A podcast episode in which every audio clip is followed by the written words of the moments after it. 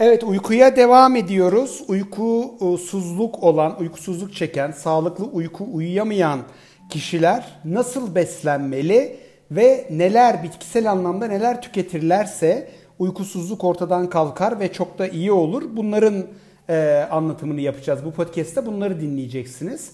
Şimdi öncelikle beslenmeye geçelim. Biliyorsunuz daha önceki podcastlerimde e, özellikle kahve veya e, uyarıcı e, gıdalar içmeyin e, demiştim e, bu podcastlerde.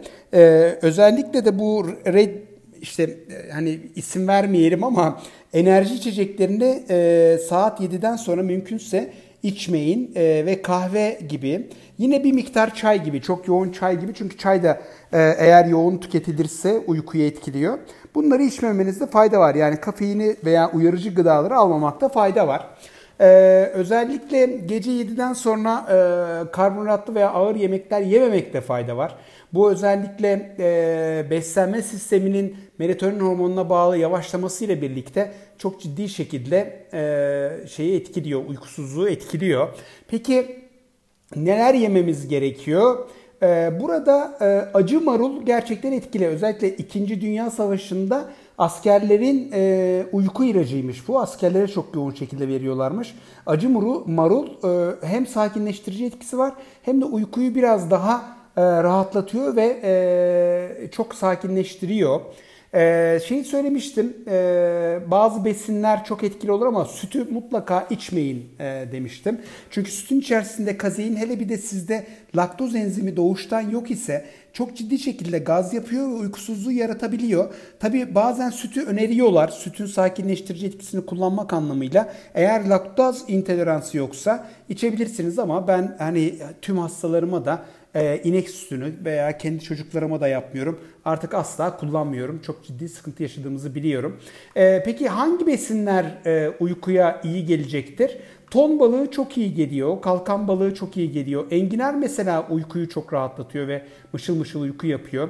Özellikle badem ve ceviz e, şeyde e, yemi, e, kuru yemiş anlamında etkili olan şeylerden birisi. Şeftali, kuşkonmaz, e, patates ve muz e, çok etkili oluyor. Özellikle ben mesela muzla uyguladığım bir tar- tarif var. E, muzu bir miktar haşlıyorsunuz. Yani bir 5 dakika sıcak suda bekliyorsunuz.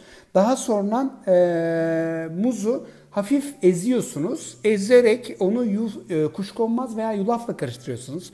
Diyeceksin ki ya ne biçim bir tadı olacak. Hakikaten çok güzel bir tadı oluyor. Eğer ben hani hem tatlı hem e, normal besinler yiyemem derseniz de muzu şeftali ile karıştırabilirsiniz ve bunu verebilirsiniz. Mesela bebeklerin de gece gaz olmadan uyanabilmesi açısından, e, uyuyabilmesi açısından e, muzla şeftali karışımı gerçekten çok etkili olur.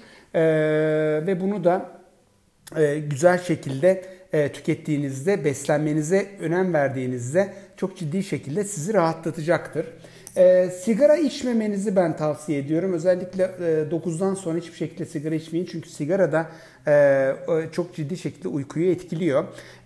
Burada gene önemli bir şey daha önceki postlarımda bahsettim. Yani uyuduğumuz ortam nasıl olmalı veya neler yapılmalı, nasıl daha iyi uykuyoruz onları orada bulabileceksiniz çok rahat şekilde. Ancak ben e, bu postumda sadece neyi yemeniz lazım ve hangi bitkisel besinlerle beslenmeniz lazım onu an, e, anlatıyorum. E, papatya çayı gerçekten oldukça etkili. E, ben papatya çayını e, çok fazla kullanıyorum. Yalnız sakinleştirici etkisi var. Uykusuzluğa iyi geliyor. Yalnız papatyayı alırken çok dikkatli olmanız lazım. Papatya diye satılan bitkiler aynı zamanda zehirli bitkiler de olabiliyor. E, bu nedenle e, papatyayı aldığınızda e, papatyayı ortadan yani çiçeği ortadan bölün. Birincisi yapraklar dökülmüş olmasın. İkincisi e, ortası boş olmasın, dolu olsun. E, bu e, diğerleri papatya değil, papatya cinsinden başka bitkiler. E, gerçekten uykusuzluğa iyi gelen e, papatya ve sakinleştirici etkisi olan papatya, e, yaprakları dökülmemiş olan ve ortası dolu olan papatya. Bir diğer şey e, oğul otu yani melisa. Oğul otu diye e, çok da biliniyor veya limon nanesi diye de biliniyor ama e, Melisa da belki çok fazla bildiğiniz şeylerden birisi. E, Melisa hem kokusu oldukça güzel hem de sinirlerin yatışmasına çok yardımcı oluyor. Uyku hormonunun düzenli e, çıkmasına, salınmasına yani melatoninin düzenli e, salınmasına yol açıyor. Genelde ben Melissa ile papatyayı bir arada kullanıyorum. Nasıl yapıyorum? Melissa'dan e, bir tatlı kaşığı, papatyadan da bir tatlı kaşığı e, kaynamış olan suyun içerisine atıyorum. Bakın kaynatmıyorum. Bitki çaylarına aklınızda olsun. Özellikle demleme usulü içerseniz, özellikle yaprak veya çiçek bitki çayı kullanıyorsanız demleme usulü içerseniz çok etkili olur.